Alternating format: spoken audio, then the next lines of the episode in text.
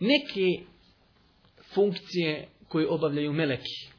Pa primjera radi, određen broj meleka je zadužen da nosi arš uzvišenog Allaha subhanahu wa ta'ala, kao što govori o tome je uzvišen Allah u suri mu'min. Meleki koji nosi arš i oni koji su oko njega veličaju i hvali gospodara i vjeruju u njega i moli da bude oprošteni grijesi vjernicima. Znači ovdje jasno vidimo da Allah Žešanu govori da meleki koji nosi arš, da veličaju Allaha, da vjeruju u njega i da dove Allahu da bude oprošteno onima koji vjeruju. Također, od funkcija i dijela koji rade meleki jeste da čuvaju džennet i džehennem. Interesantno je pročitati u suri Zumer, u zadnjim ajetima, kada Allah Đelešanu govori i izuzetno ajeti poučni gdje kaže وَسِيقَ الَّذِينَ اتَّقَوْا رَبَّهُمْ إِلَى الْجَنَّةِ زُمَرَا I oni koji su se gospodara svoga bojali, u povorkama će u džennet biti povedeni. I kad do njega dođu, a kapije se njegove već širom otvorene, čuvari njegovi će im reći, mir vama od grijeha se čisti. Čuvari njegovi će reći. Znači, ovdje spominjem ovaj kuranski ajet, iz kojih vidimo da meleki čuvaju džennet.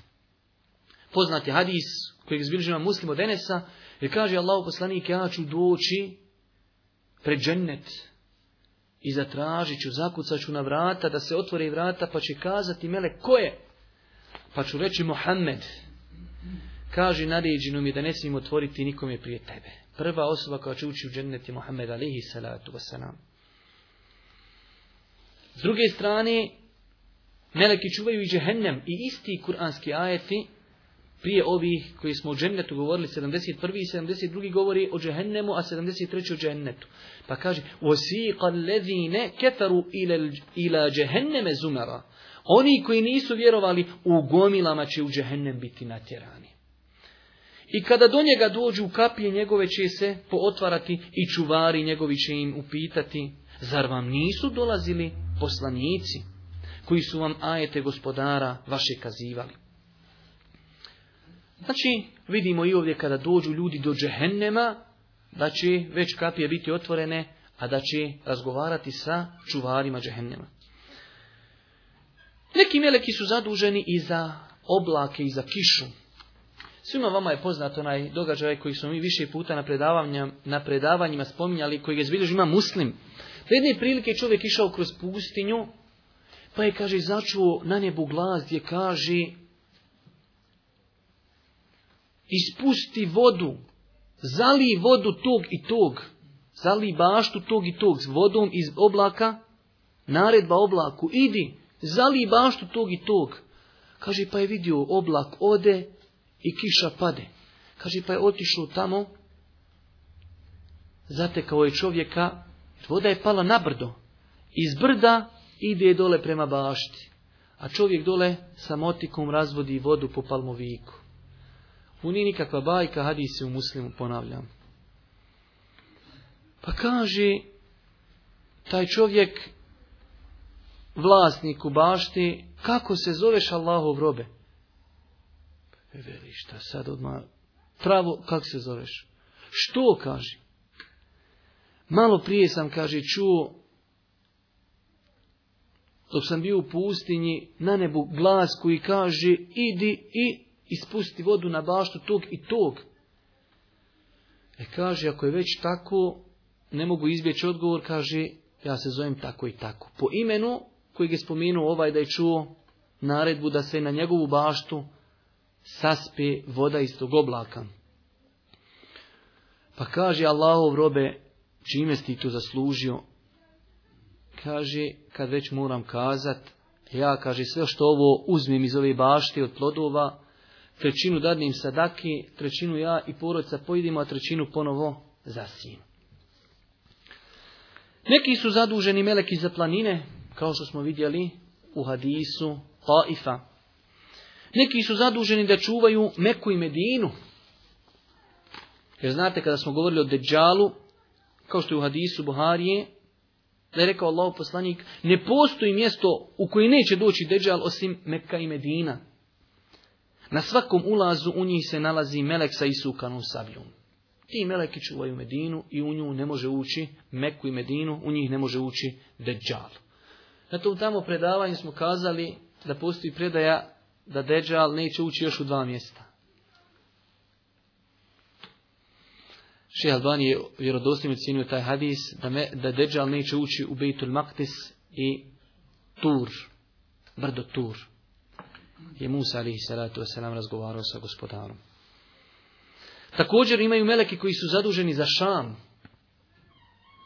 Kaže Allah poslanik Tuba ali Šam inne mele inne iketa rahmeti basitatun eđnihataha alejha. Blagoli se Šamu, kaže Allah poslanik alaihi salam. Zaista meleki milosti šire svoja krila iznad šama. To su meleki koji su zaduženi za šam. Imate meleke također koji su zaduženi da zapisuju tijela ljudi. I tu je također jedna velika korist od vjerovanja u meleke, da čovjek vjeruje da pored njega stoje meleki i zapisuju sve što uradi i sve što rekne. Ma li hazel kitabi la gadiru sagiraten wala Kada se kaže ljudima na sudnjem danu pokaže knjiga, reći će šta je ovoj knjizi ni veliko ni malo, ništa nije preskočila. Sve je zapisano. Ima interesantan ajet u suri Jasin koji govori o tome. Ja namjerno dosta puta citiram tu suru Jasin iz razloga što je mnogo ljudi koji uče tu suru Jasin, a siromasi ne znaju šta uči, a kamo sreće da znaju. Kaže uzvišeni Allah, inna nahnu nuhjil mevta, wa nektubu ma qaddemu wa asarahum, wa kulle še'in ahsajnahu fi imamim mubin. Mi ćemo zaista mrtve oživjeti i mi smo zapisali ono što su uradili i djela koja su iza sebe ostavili. Sve smo mi tu u knjizi jasno pobrojali. I na kraju, rezimirano, braću moja draga, čovjek treba da vjeruje u meleke kao Allahova stvorenja, koja ne čini ništa osim, sa dozvolom uzvišenog Allaha subhanahu wa ta'ala, da vjeruje u imena onih koji su spomenuti i njihova djela i funkcije, Također naše je vid obaveze prema melekima da ih spominjemo po dobru. Kao što, kao što su to spominuli neki islamski učenjaci, zbog njihove pokornosti prema uzvišenom Allahu. A što se tiče plodova vjerovanja u meleke, mi smo spominjali kroz predavanja neka od plod, neki od plodova vjerovanja u meleke, definitivno znači čovjek dobro poznavajući ovu tematiku, vjerujući u meleke, sigurno će potpuniji i bolje obožavati svoga gospodara, a što je na kraju krajeva i glavni cilj našeg postojanja na Dunjalku.